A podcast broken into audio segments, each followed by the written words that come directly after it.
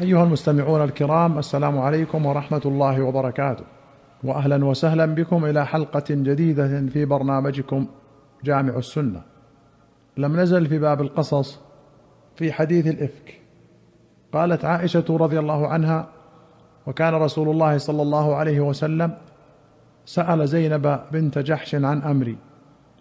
فقال يا زينب ما علمت؟ ما رأيت؟ فقالت يا رسول الله أحمي سمعي وبصري. والله ما علمت عليها إلا خيرا. قالت عائشة وهي التي كانت تساميني من أزواج النبي صلى الله عليه وسلم.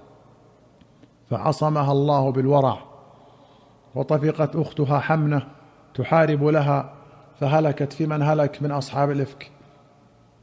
قالت عائشة والله إن الرجل الذي قيل له ما قيل ليقول سبحان الله فوالذي نفسي بيده ما كشفت عن كنف أنثى قط. قالت ثم قتل بعد ذلك شهيدا في سبيل الله.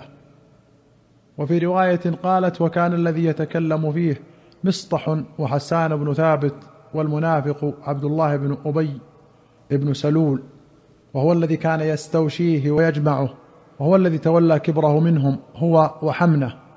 قال عروة وكانت عائشة تكره أن يسب عندها حسان وتقول إنه الذي قال فإن أبي ووالده وعرضي لعرض محمد منكم وقاء.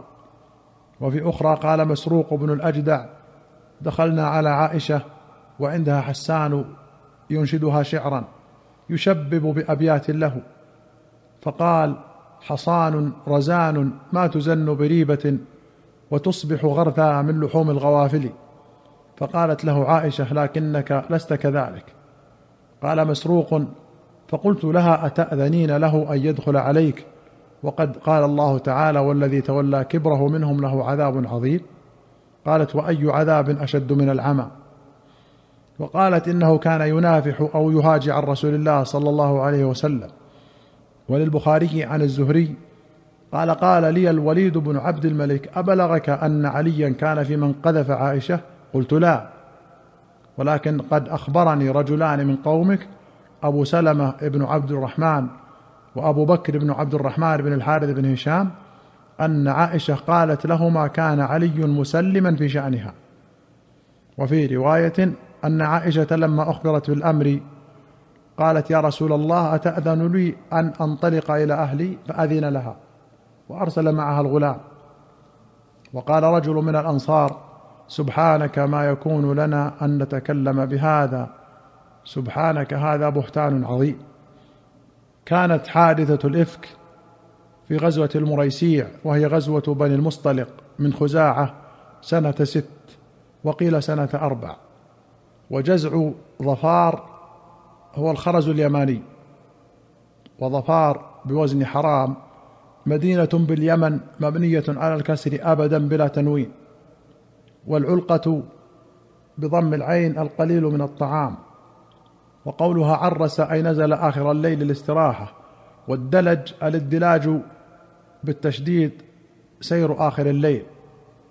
وقولها موغرين في نحر الظهيرة أي داخلين في شدة حرها. والوغرة شدة الحر. وقولها يا هنتاه بفتح النون وسكونها وضم الهاء الآخرة وسكونها أيضا. معناه يا هذه. وللمذكر يا هناه وقيل معنى يا هنتاه يا بلهاء وقولها أغمصه أي أعيبه. وقولها ما رام من مكانه أي ما برح من مكانه. وقولها كان يستوشيه أي يستخرجه بالبحث عنه. وقولها يشبب أي يتغزل وقول حسان حصان رزان أي حصينه عفيفة رزينه ثقيلة. ما تزن بريبة أي ما ترمى بها.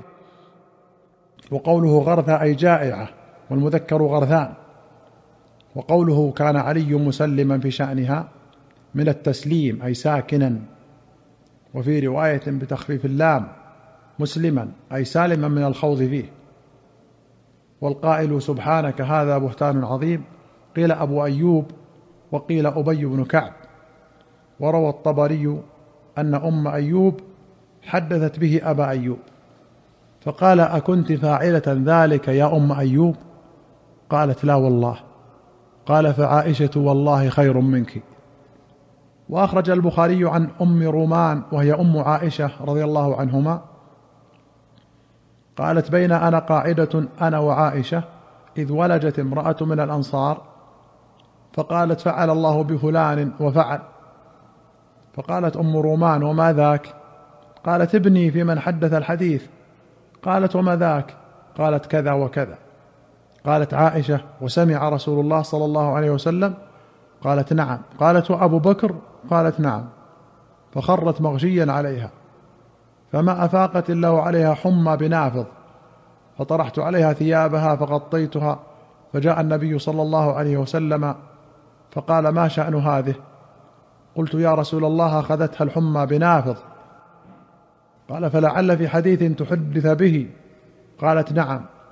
فقعدت عائشة فقالت والله لئن حلفت لا تصدقوني ولئن قلت لا تعذروني مثلي ومثلكم كيعقوب وبنيه والله المستعان على ما تصفون. قالت فانصرف ولم يقل لي شيئا فأنزل الله عذرها. قالت بحمد الله لا بحمد أحد ولا بحمدك. قولها حمى بنافض أي برعدة وظاهر هذا الخبر مخالف لسابقه.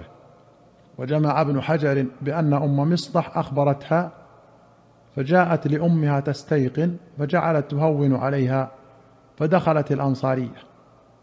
وأخرج البخاري عن أبي هريرة رضي الله عنه قال كان أهل الكتاب يقرؤون التوراة بالعبرانية ويفسرونها بالعربية لأهل الإسلام فقال رسول الله صلى الله عليه وسلم لا تصدقوا أهل الكتاب ولا تكذبوهم.